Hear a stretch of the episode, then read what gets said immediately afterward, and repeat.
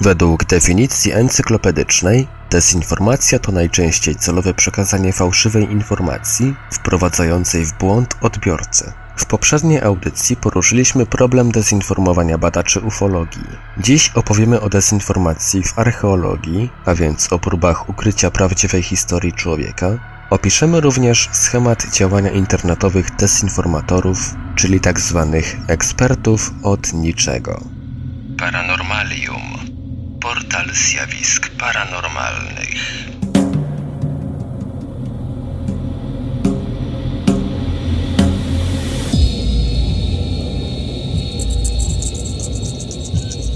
Za każdym razem, gdy utrzymujesz, że spiski istnieją, szczególnie na polu zajmowanym przez naukę, zaczynasz stąpać po cienkim lodzie. Mamy zwyczaj być bardzo sceptycznymi w stosunku do teorii spiskowych, o ile nie dotyczą one mafii albo islamskich radykałów. Jednakowoż dowody są przytłaczające i ironiczne jest to, że wiele z nich jest doskonale widocznych. Dobrą wiadomością jest to, że jej gracze są znani. Ich plan gry a nawet ich taktyka ruch za ruch są oczywiste, gdy tylko nauczysz się je dostrzegać. Aczkolwiek wśród wszechobecnej zasłony dymnej propagandy i dezinformacji nie jest łatwo odkrycie właściwych przyczyn, celów oraz motywów. Wygodnie byłoby wskazać jednostki dezinformujące oraz bezczelnych kłamców, takich jak Richard Nixon.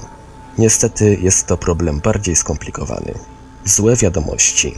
Spisek jest ogólnoświatowy i wiele grup jest nim żywotnie zainteresowanych. Pobieżne badania wskazują podejrzanych. Naukowców z teoretycznym toporem do cięcia oponentów, dążących do utrzymania swoich karier i status quo. Ich modus operandi stanowi wielkie kłamstwo. Im większe i bardziej widocznie opublikowane, tym lepiej. Ich argumenty polegają na przywoływaniu swoich akademickich referencji oraz przypuszczeniu, że nikt nie ma prawa podawać w wątpliwość ich autorytatywnych oświadczeń, takich jak następujące. Po pierwsze, nie ma żadnej tajemnicy co do tego, kto zbudował Wielką Piramidę oraz jakie były metody jej zbudowania oraz że Sfinks nie posiada żadnych oznak erozji. Po drugie, nie było ludzi w Ameryce wcześniej niż przed 20 tysiącami lat temu. Po trzecie, pierwsza cywilizacja datuje się nie dalej niż 6 tysięcy lat temu. Po czwarte, nie ma udokumentowanych anomalii, niewyjaśnionych lub zagadkowych danych, które można by wziąć pod uwagę. Po piąte wreszcie, nie ma zaginionych ani niepoliczonych jeszcze cywilizacji. W 1993 roku amerykańska stacja telewizyjna NBC wyemitowała program Tajemnice Sfinksa, w którym zaprezentowała geologiczne dowody świadczące o tym, że Sfinks jest przynajmniej dwa razy starszy, ma około 9000 lat, niż twierdzą egiptolodzy. Zasłynęło to jako kontrowersja erozji wodnej. Badanie politykierstwa, które stosują egiptolodzy do podkopania tego twierdzenia, jest nad wyraz pouczające. Egiptolog samouk John Anthony West wywołał zainteresowanie sprawą erozji wodnej u geologa doktora Roberta Shocha. Udali się oni do Egiptu, rozpoczynając intensywne badania na miejscu. Po wnikliwej analizie Sfinksa z pierwszej ręki, geolog zaczął podzielać pierwotną konkluzję Westa i obaj ogłosili swoje wyniki. Dr Zahi Hawas, szef Najwyższej Rady Starożytności, nie marnował czasu, rozpoczynając publiczną krytykę obu mężczyzn. Znany egiptolog dr Mark Lenner, uważany za czołowego eksperta w dziedzinie Sfinksa na świecie, przyłączył się do ataku. Oskarżył Westa i Szocha o bycie ignorantami i nieczułymi ludźmi. To były kuriozalne oskarżenia, stawiające sprawę na nieprofesjonalnym poziomie, umieszczające ją na płaszczyźnie osobistej.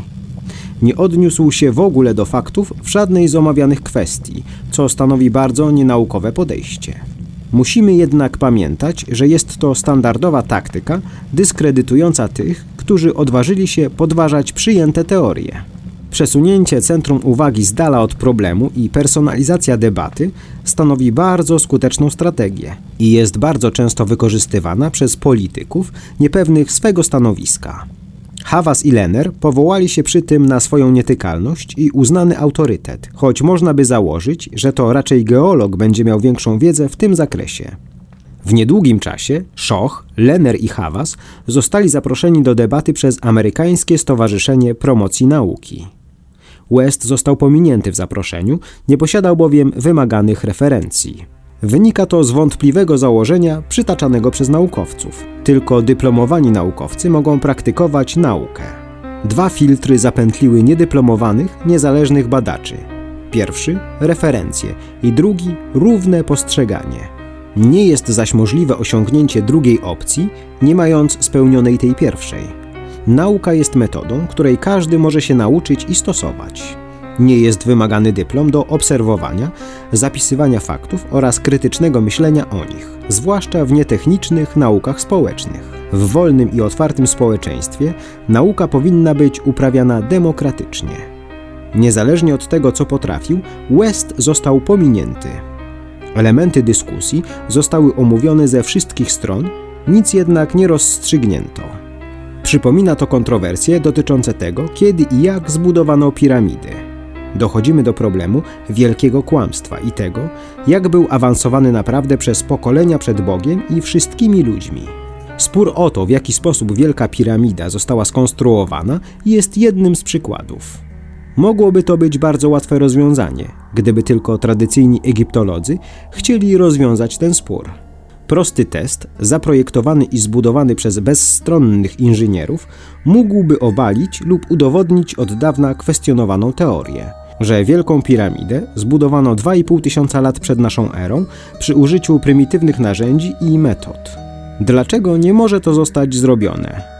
Odpowiedź jest tak oczywista, że wydaje się niemożliwa. Oni wiedzą, tradycyjni archeolodzy i egiptologowie, że ich teoria jest podrobiona. Czyż bowiem wyśmienicie wyedukowany naukowiec naprawdę może wierzyć, że 2,3 miliona tony kamieni, niektóre bloki kamienne ważące 70 ton, mogłyby być przetransportowane i podniesione za pomocą prymitywnych metod? Wydaje się nieprawdopodobne, że nie mają skrupułów okłamywać społeczeństwo, pisać podręczniki i bronić tej teorii przeciw alternatywnym teoriom. Aczkolwiek wypada zaznaczyć, że nie zgadzają się poddawać swoich tez badaniom i analizom, ani udowodnić, iż ich teorie są prawdziwe. Uważamy, że na każdym naukowcu spoczywa ciężar udowodnienia swych tez, jednakże społeczni naukowcy, podejmujący takie roszczenia, nigdy nie wytrzymali takiego rodzaju analizy. Z tego względu jesteśmy zmuszeni podejrzewać spisek. Żadnej innej dyscyplinie naukowej nie uszłoby na sucho naginanie naukowych zasad. Egiptolodzy za każdym razem ośmieszali alternatywne teorie za pomocą podstępnej nauki. Nadszedł czas, kiedy to my nalegamy, żeby i oni udowodnili swoje propozycje. Z jakich powodów naukowcy staraliby się ukryć prawdę i unikali testowania jakiejkolwiek z ich hipotez? Ich motywacja jest również oczywista. Gdyby mogło być udowodnione, że Egipcjanie nie zbudowali Wielkiej Piramidy 2,5 tysiąca lat przed naszą erą, używając prymitywnych metod, albo że Sfinks powstał 9 tysięcy lat przed Chrystusem, posypałby się ich cały karciany domek. Ortodoksyjne rozumienie ewolucji kulturowej opiera się na chronologicznym założeniu, iż cywilizacja rozpoczęła się w Sumerze, nie wcześniej jak 6 tysięcy lat temu. Teoria ta nie pozwala istnieć żadnej zaawansowanej cywilizacji przed tym okresem. Nie ma miejsca na dyskusję. Archeologia i historia tracą swoje znaczenie bez ustalonych dat jako punktów odniesienia. Od czasu, gdy teoria ewolucji kulturowej została powiązana z ogólną teorią ewolucji Darwina, w grę wchodzi jeszcze więcej. Czy to wyjaśnia, dlaczego tym faktom, nieprawidłowościom i zagadkom się zaprzecza, zataja i lub ignoruje? Tak, wyjaśnia. Nauki biologiczne oparte są na darwinizmie.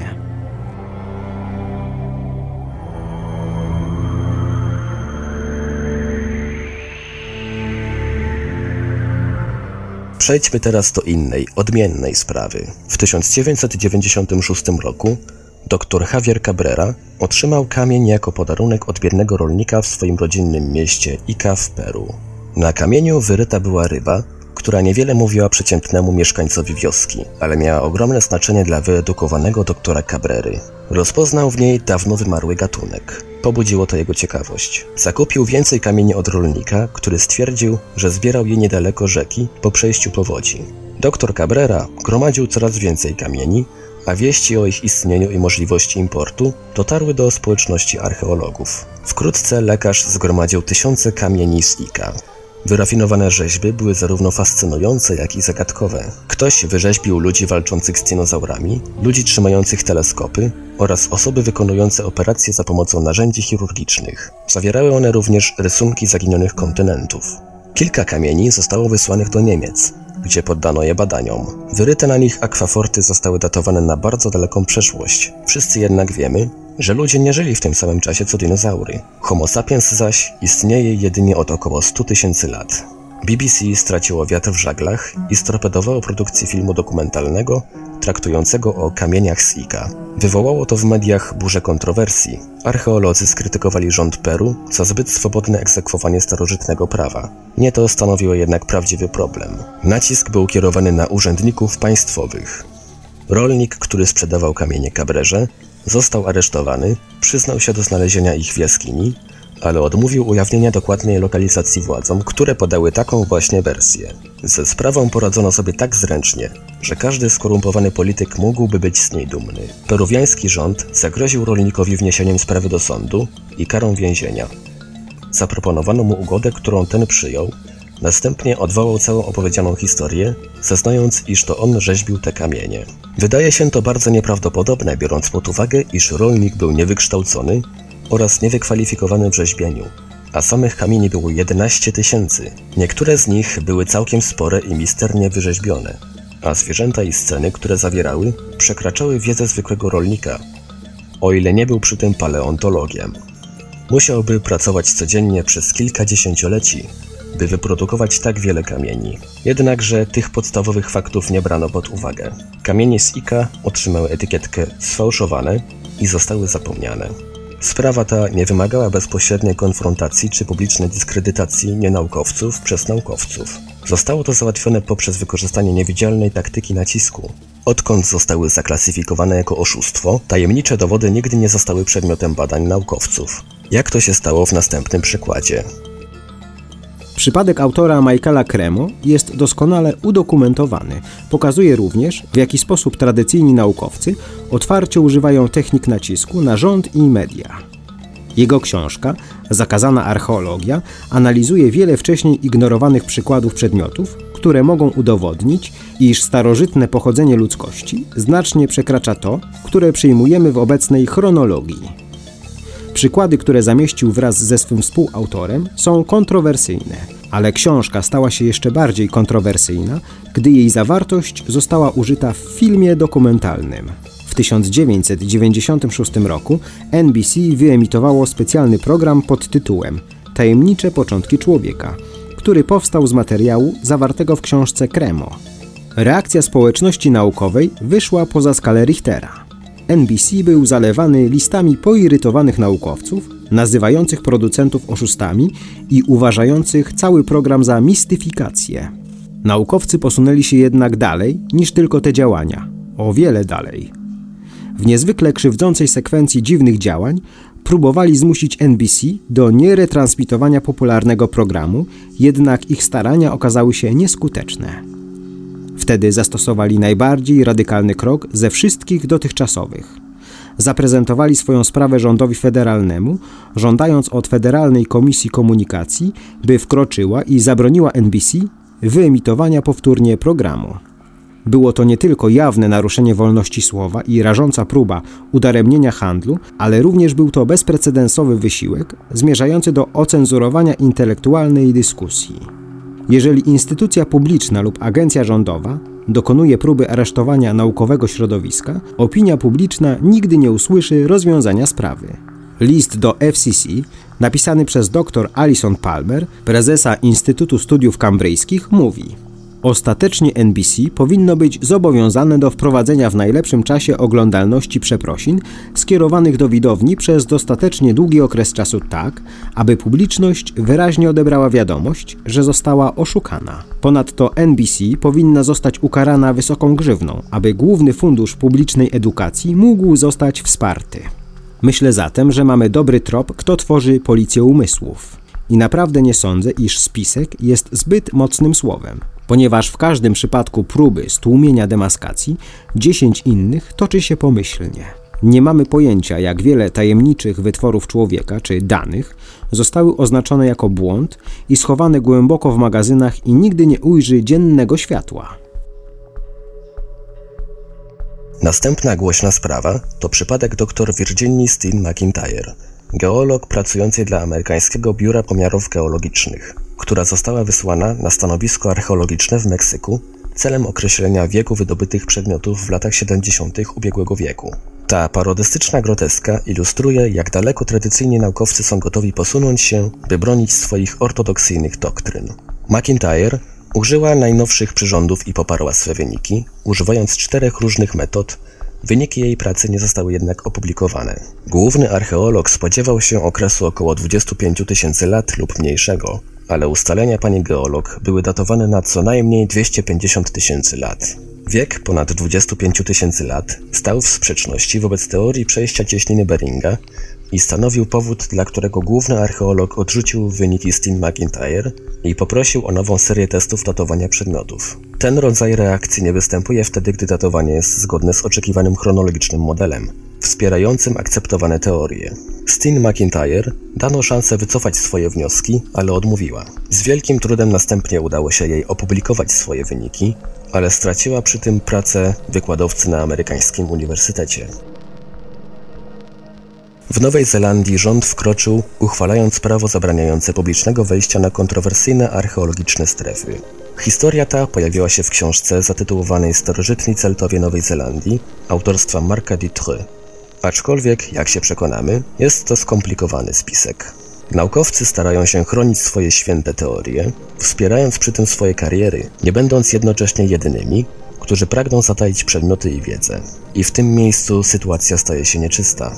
Las Waipua stał się kontrowersyjnym miejscem w Nowej Zelandii z powodu archeologicznych wykopalisk, które pokazały ewidentne dowody na istnienie niepolinezyjskiej kultury, która poprzedziła Maorysów. Fakt, który nie wywołał radości wśród lokalnego plemienia. Dowiedziało się ono o oficjalnych wynikach przed podaniem ich do wiadomości publicznej i poskarżyło się na nie rządowi. Według Dutreux wynikiem był oficjalny dokument pokazujący wyraźnie zamiar rządu Nowej Zelandii do wstrzymania archeologicznych informacji przed publiczną analizą na 75 lat. Społeczeństwo dowiedziało się o tym, ale rząd zaprzeczył informacji. Jednak oficjalne dokumenty pokazują, że embargo zostało umieszczone na stronie. Dutreux jest studentem historii Nowej Zelandii i archeologii. Jest zaniepokojony, ponieważ mówi, że przedmioty dowodzące istnienia wcześniejszej kultury poprzedzającej Maorysów znikły z muzeów. Pyta, co się stało z kilkoma specyficznymi artefaktami. Oto cytat. Gdzie są starożytne próbki włosów rasy indoeuropejskiej, czerwone faliste brązowe włosy,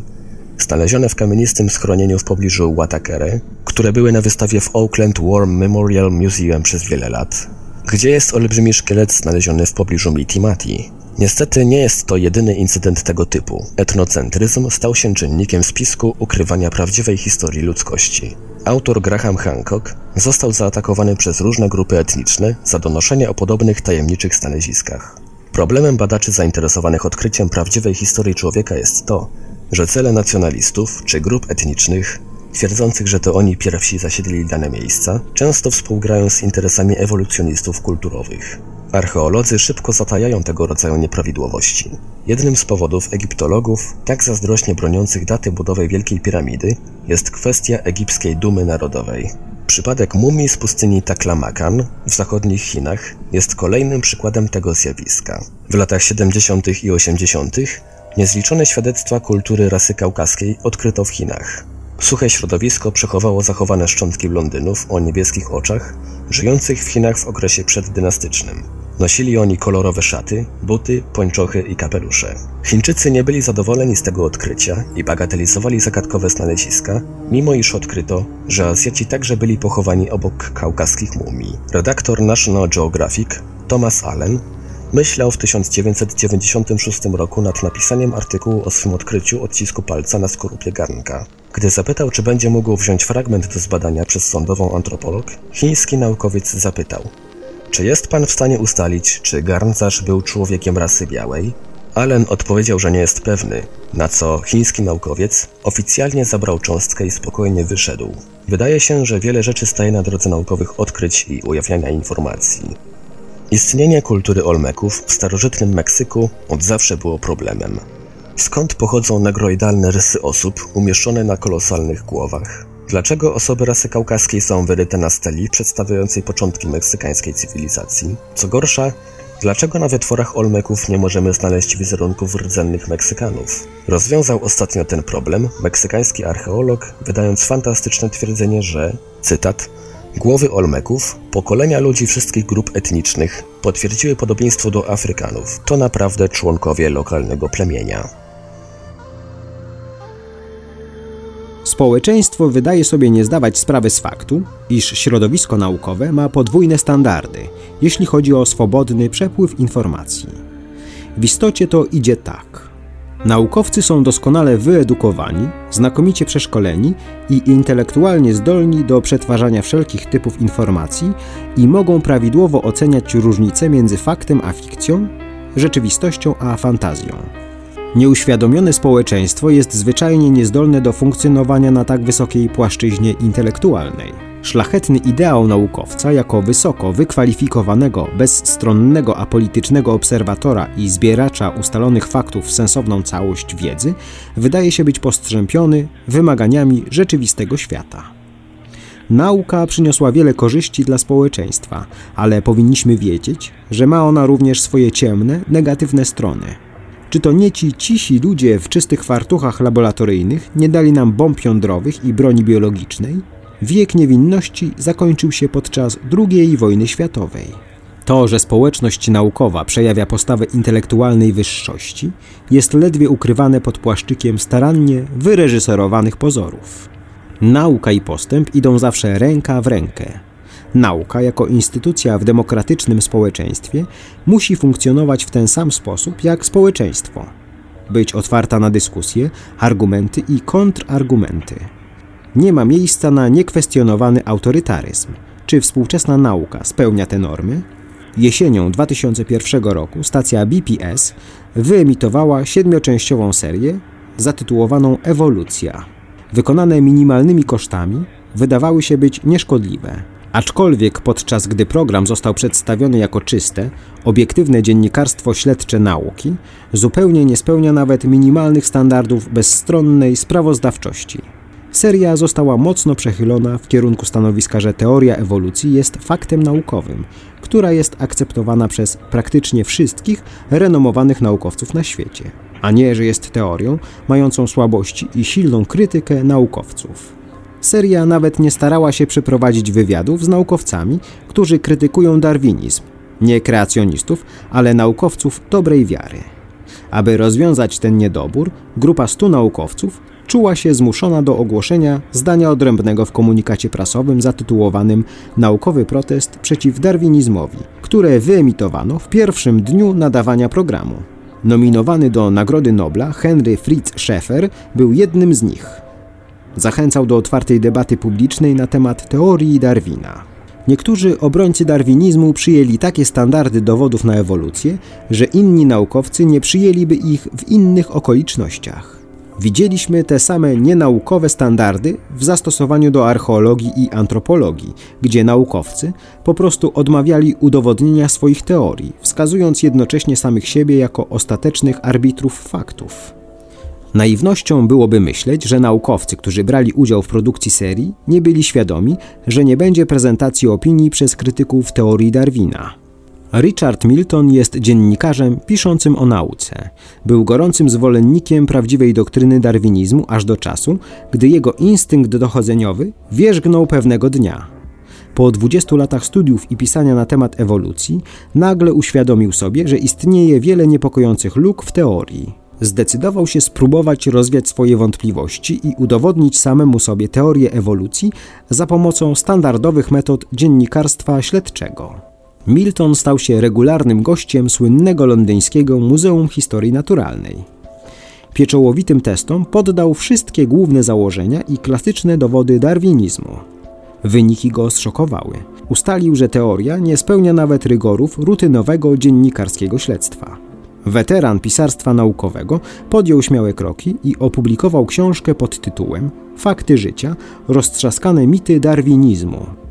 Było oczywiste, że przestał wierzyć w mit darwinizmu, ale przy okazji swojej książki obalił wiele innych naukowych mitów. Milton powiedział: Na własnej skórze doświadczyłem działania polowania na czarownice przez zapalonych darwinistów. Było to bardzo rozczarowujące, gdy wybitny oksfordzki zoolog Richard Dawkins określił mnie jako głupka, szaleńca, potrzebującego pomocy psychiatrycznej w odpowiedzi na czysto naukowe sprawozdanie. Czy nie przypomina to sytuacji sprzed 20 lat, gdy naukowcy, dysydenci ze Związku Radzieckiego, nie zaczęli przedstawiać swoich historii? Dawkins rozpoczął kampanię pisania listów do redakcji, z której wynikało, iż Milton był ukrytym kreacjonistą, wobec czego jego prace powinny zostać odrzucone.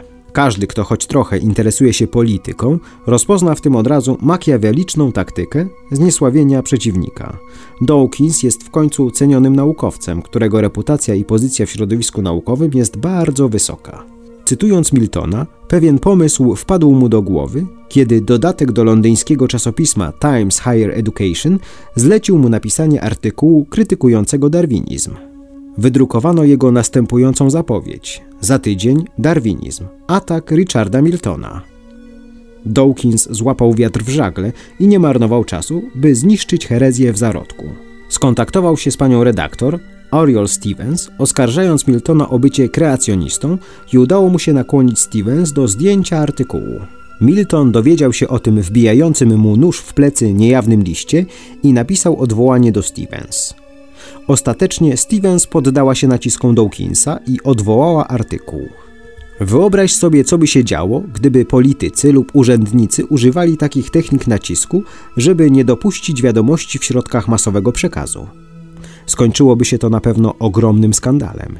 Nie dzieje się tak w przypadku naukowców uważanych za święte krowy, którym nie stawia się takich zarzutów. Istnieje wiele niepokojących faktów dotyczących podobnych spraw. Teoria ewolucji Darwina jest jedynie teorią rutynowo nauczaną w publicznym systemie oświaty, która nigdy nie została poddana rygorystycznej analizie, nigdy nie dopuszczono jakiejkolwiek uwagi krytycznej do programu nauczania. Jest to interesujący fakt, gdyż z niedawno przeprowadzonego sondażu opinii publicznej wynika, że amerykańskie społeczeństwo chce, by teoria ewolucji była nauczana w szkole. Jednocześnie 71% respondentów twierdzi, iż nauczyciel biologii powinien nauczać zarówno darwinizmu, jak i przedstawiać naukowe dowody przeciwko niej. Niemniej jednak nie ma planów, by wprowadzić taką równowagę. Ironią jest to, że Richard Dawkins został powołany na stanowisko profesora porozumienia społecznego na Uniwersytecie Oksfordzkim. Jest klasycznym przykładem policjanta umysłów, szturmowcem patrolującym pierwsze newralgiczne linie. Społeczeństwo zachodnich naukowców szczyci się tym, że jest jak otwarte forum bez uprzedzeń i cenzury. Jednakże żaden telewizyjny program analizujący wady i słabości teorii ewolucji nigdy nie został wyemitowany w rodzimym kraju Darwina ani w Ameryce. Zaś artykuł naukowca, który się jej sprzeciwia, nie może zostać opublikowany. Książka Tajemnicze pochodzenie człowieka nie przypuściła frontalnego ataku na darwinizm, przedstawiła jedynie dowody wskazujące na nieprawidłowości w zasadach teorii ewolucji. Wracając do naszego uczciwego bastionu intelektualistów, Forrest Mims był rzetelnym i wykwalifikowanym dziennikarzem naukowym. Nigdy nie brał udziału w niczym kontrowersyjnym, więc został zaproszony do pisania w najbardziej poczytnym felietonie prestiżowego amerykańskiego czasopisma Amatorski Naukowiec, na co chętnie przystał. Według słów Mimsa, redaktor magazynu Jonathan Peel dowiedział się, że ten napisał jeszcze artykuły dla wielu chrześcijańskich czasopism. Redaktor wezwał Mimsa do swojego biura i rozpoczął konfrontację. Czy wierzysz w teorię ewolucji? zapytał Pil. Nie, odpowiedział Mims. Tak samo jak Stephen Jay Gould. Jego odpowiedź nie wpłynęła na decyzję Pila, by usunąć Mimsa z pisania do kolumny po zaledwie trzech artykułach. Wydziela się z tego nieprzyjemny odór polowania na czarownicę. Dziennikarz nigdy publicznie nie przedstawiał swoich prywatnych poglądów i przekonań, więc wydaje się, że szturmowcy złożyli zamówienie na to, by niezatwierdzone myśli nie były ujawniane publicznie. Wszyscy monitujący tak zwane poprawne myślenie to nie tylko elita społeczeństwa naukowego, tak jak rozpatrywaliśmy to w kilku przypadkach. Są nimi także producenci telewizyjni i redaktorzy czasopism. Jest oczywiste, że oni wszyscy działają poprzez pojedynczy imperatyw wspierania tzw. Tak publicznej edukacji nauki, jak to trafnie sformułowała pani prezes Instytutu Kambryjskiego. Nie ma jednak wyznaczonego drugiego punktu porządku obrad, a to w celu ochrony społeczeństwa przed nienaukowymi myślami i ideami, które mogą zainfekować umysły mas. Niektóre z tych tematów tabu przedstawiliśmy w naszej audycji. Należy również dodać, że jest także niezdrowe i nie do przyjęcia angażować się w jakiekolwiek z następujących zajęć badawczych. Zjawiska paranormalne, UFO, zimną fuzję, darmową energię i całą resztę tak zwanej pseudonauki. Czy to z niczym ci się nie kojarzy?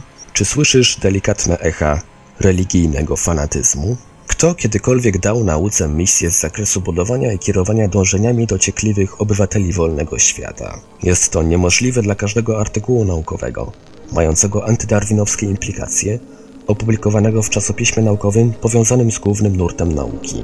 Jest również niemożliwością pisania tematów tabu nawet w recenzjach, a o zobaczeniu swojego nazwiska pod artykułem w takim czasopiśmie jak Nature możesz zapomnieć.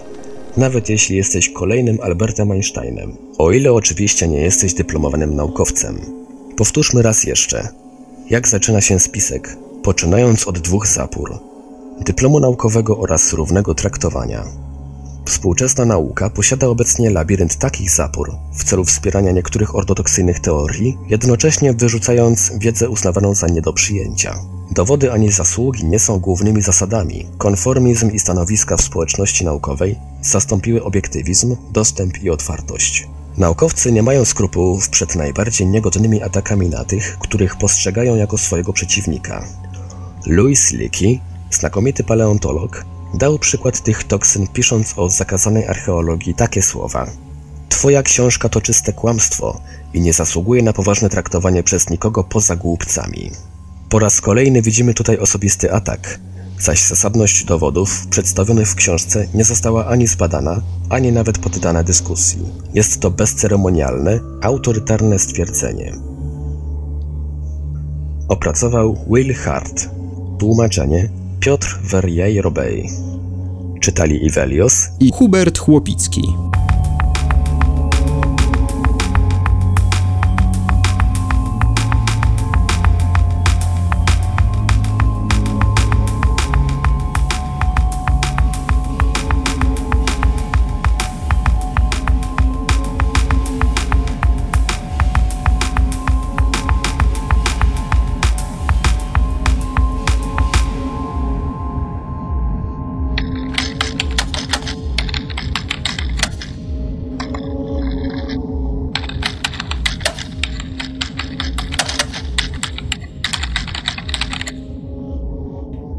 Zjawiskami paranormalnymi interesuje się już od dzieciństwa. Zaczęło się w czasach, gdy o internecie najstarsi górale nie słyszeli. Sięgałem wówczas po książki Lucjana Znicza, Arnolda Mostowicza, czasem też po prasę ezoteryczno-paranormalną. Była to fascynująca lektura. Autorzy podchodzili do poruszanych przez siebie tematów z możliwie największym profesjonalizmem. Dążyli do wyjaśnienia opisywanych spraw, unikając przy tym podsuwania czytelnikom teorii wziętych z powietrza i usilnego wmawiania ludziom, że to, w co do tej pory wierzyli, to bzdura. Wiele lat później powstał internet, medium umożliwiające dotarcie do czytelnika w niewiarygodnie szybki sposób i stwarzające niepowtarzalną możliwość wymiany poglądów na grupach dyskusyjnych, a później tysiącach for internetowych.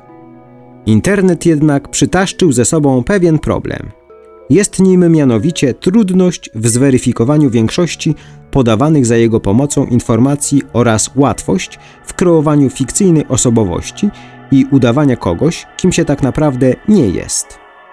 Niezwykle trudno jest na przykład stwierdzić z pewnością, czy obserwacja UFO na drugim końcu świata naprawdę miała miejsce, czy może ktoś przypadkiem robi nas w bambuko oraz czy osoba podająca się za znawcę i eksperta w danej sprawie naprawdę nim jest. Dość znany przykład udawanej osobowości naukowej mieliśmy na anglojęzycznej Wikipedii, gdzie kilka lat temu jeden z najbardziej zaangażowanych użytkowników przyznał się, że tak naprawdę nie jest doktorem na uczelni X i że tylko przykleił sobie doktor przed nazwiskiem. Żeby jednak zdobyć w internecie poważanie, wcale nie trzeba sobie doklejać do nazwiska tytułu naukowego. Przeglądając zasoby internetu, Współtworząc jego małą cząstkę i poznając możliwości, jakie ze sobą niesie to niepospolicie szybkie medium wymiany informacji i poglądów, zauważyłem zjawisko co najmniej niepokojące. Jest nim mianowicie łatwość, z jaką można zdobyć w nim uznanie i renomę. Wystarczy przecież zarejestrować się na takim czy innym forum internetowym o tematyce, w której wydaje ci się, tak, wydaje, że jesteś obeznany i że owo obeznanie, pozostające często tylko obeznaniem w cudzysłowie, pozwala ci brać udział w dyskusjach i zakładać kolejne tematy. Teraz wystarczy, że ktoś się z tobą zgodzi, najlepiej kilka osób. Po jakimś okresie udzielania się na forum, często udzielaniu się towarzyszy zbieranie punktów reputacji czy jakiejś innej wirtualnej nagrody za aktywność, przyznawanej przez użytkowników, zaczynasz uchodzić za eksperta. A jeszcze taki szczegół: profil na YouTube mile widziany, obowiązkowy wręcz. Wszak swoje tezy trzeba czymś poprzeć. Najlepiej filmikiem zawierającym jakąś animację, grafikę, nagranie wideo, etc. Tak, żeby przyciągnąć uwagę dyskutujących w możliwie największym stopniu.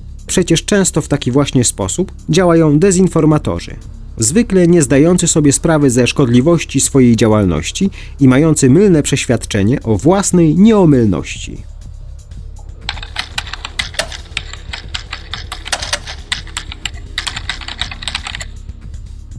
Teraz szybkie spojrzenie na najpopularniejsze polskie fora o tematyce około i paranormalnej. Jednymi z najczęściej poruszanych tematów są te o nowym porządku świata oraz te o supertajnej amerykańskiej broni HARP. Wszędzie trafisz na tematy o tym, że rząd USA czy tajny klub Bilderberg próbują przejąć władzę nad światem, że w World Trade Center podłożono bomby, a Usama ibn Laden jest niewinny, a ostatnio, że przyczyną tragicznych w skutkach trzęsień ziemi w Chile i na Haiti jest supertajna amerykańska broń HARP, która jest tajna, a może i nie, swoim działaniem łamie prawa fizyki, a wszyscy, którzy o niej wiedzą, o, przepraszam, wiedzieli, już dawno wąchają kwiatki od spodu. Jednym z dłużej utrzymujących się przy życiu gorących tematów była sprawa komety Schwarzmann-Wachmann 3, która w 2006 roku podzieliła się na fragmenty, a jeden z nich, kawał kosmicznego śmiecia wielkości ciężarówki, miał uderzyć w Ziemię.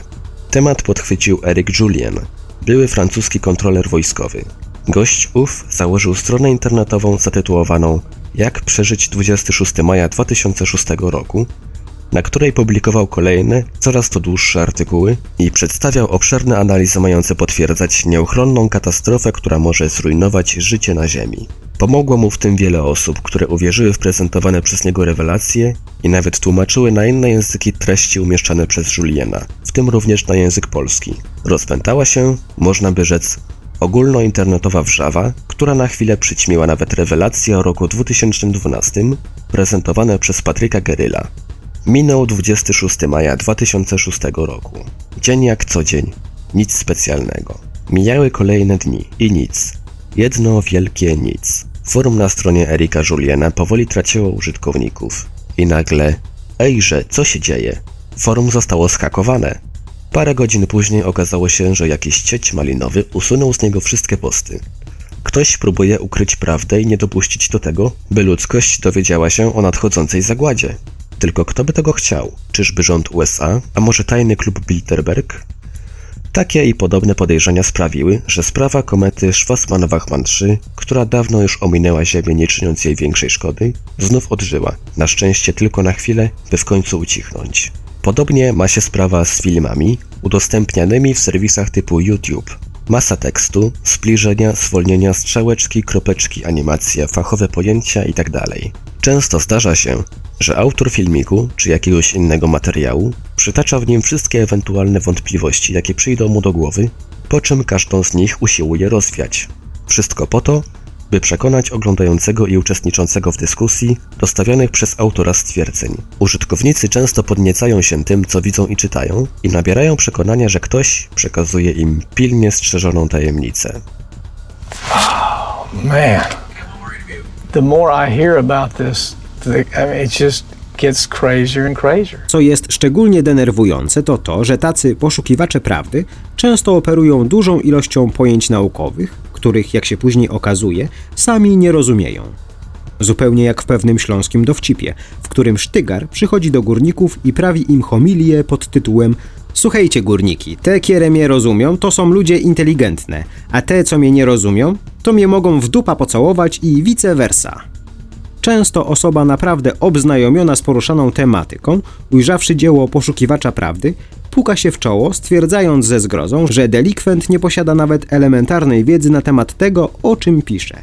Tacy ludzie, o ile udzielają się na forach od dłuższego czasu i zgadza się z nimi całkiem spora grupa użytkowników, po pewnym czasie zaczynają uchodzić za ekspertów. Z czasem zakładane przez nich tematy zaczynają być coraz dłuższe i zawierać wykresy, analizy, wyjaśnienia, dlaczego tak, a nie inaczej. Pojawia się w nich również bardzo dużo naukowego i pseudonaukowego slangu i określeń typu nauka sprzed kilku lat jest przestarzała, bądź najnowsze odkrycia są ukrywane. Wszystko po to, żeby tekst był długi i brzmiał mądrze, gdyż wówczas szansa na przekonanie do swoich racji zwykłego chlebojada niepomiernie wzrasta.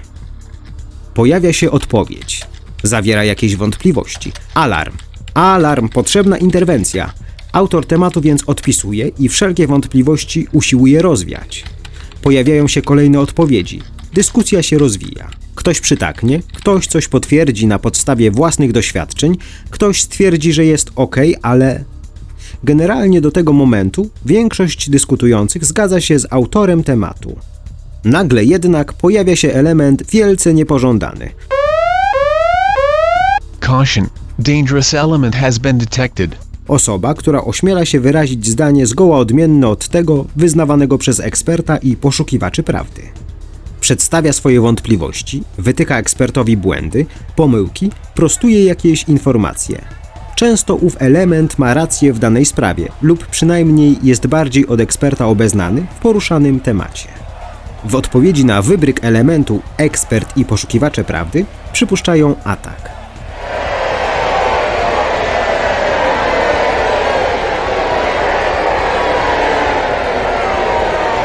W ruch lecą ostre słowa, a niejednokrotnie wręcz inwektywy i wulgaryzmy, a element dowiaduje się, że ma zamknięty umysł, jest głupi, nic nie wie i wierzy w oficjalną, czytaj kłamliwą jak szlak, wersję wydarzeń.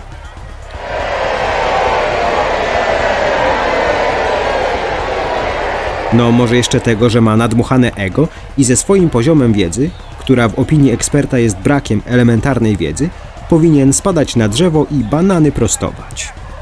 Ogólnie rzecz ujmując, jeśli jesteś takim właśnie elementem, który naprawdę coś wie i chce wnieść do dyskusji coś nowego, to jeśli trafisz na forum opanowane przez jednego lub kilku ekspertów, to zginiesz marnie, przytłoczony masą pseudoargumentów i obrzucony stekiem mądrych bzdur. Sytuacja wygląda podobnie w przypadku wielu blogów i stron internetowych. Tu również właściciel może dowoli publikować stworzone przez siebie treści i wyrosnąć na eksperta w dziedzinie, tworząc przy tym wrażenie, że przekazuje czytelnikom pilnie strzeżony sekret, za ujawnienie którego grożą poważne konsekwencje. Właściciel bloga ma w ręku również przepotężne narzędzie panel do moderowania komentarzy. Jeśli któryś komentarz się nie spodoba, można go usunąć lub zedytować. Można go też zatwierdzić. Najwyżej autor bloga bądź też jego czytelnicy zjadą autora takiego komentarza jak psa. W naszej audycji bynajmniej nie mamy zamiaru dyskredytować tych, którzy udzielając się na forach dyskusyjnych i stronach internetowych przekazują naprawdę wartościową wiedzę, popartą solidnymi argumentami i są naprawdę obznajomieni z poruszaną tematyką. Takich osób, dzięki Bogu, jest naprawdę sporo i chwała im za to, co robią. Niestety ich praca spotyka się z zainteresowaniem dużo rzadziej niż dokonania tzw. Tak ekspertów piszących o teoriach spiskowych i ukrywaniu prawdy. Zwykle dyskutant naprawdę mający pojęcie na dany temat jest w dyskusji pomijany, gdyż prezentowane przez niego poglądy i treści mijają się z tym, w co wierzy większość użytkowników. For, na których sytuacja jest zgoła odmienna, jest niestety niewiele. Najczęściej są to fora, które można spokojnie nazwać elitarnymi z uwagi na mniejszą popularność i małą ilość piszących na nich użytkowników. Fora dużo popularniejsze oblegane są zwykle przez dzieci neostrady, które tak zwaną prawdę prezentowaną przez tak zwanych ekspertów przyjmują za dobrą monetę, a wszystko co stoi w sprzeczności z ową prawdą, nawet jeśli są to dobrze ugruntowane fakty, stanowczo odrzucają.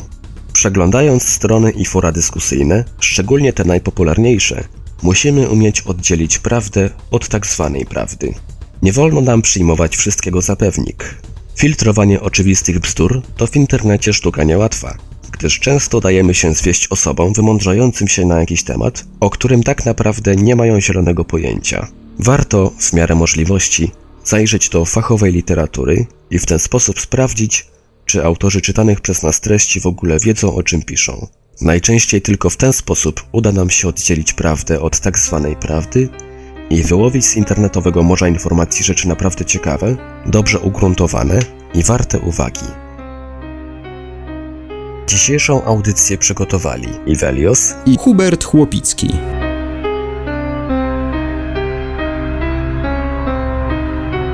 Paranormalium na Facebooku facebook.com ukośnik paranormalium.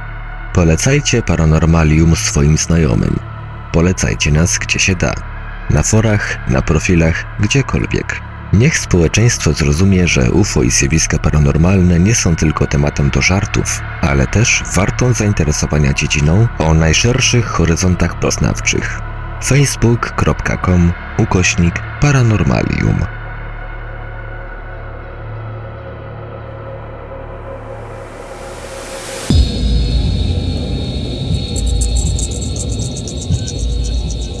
Była to audycja przygotowana przez redakcję portalu Paranormalium. Dziękujemy za uwagę i zapraszamy do wysłuchania kolejnej audycji, którą opublikujemy już za miesiąc.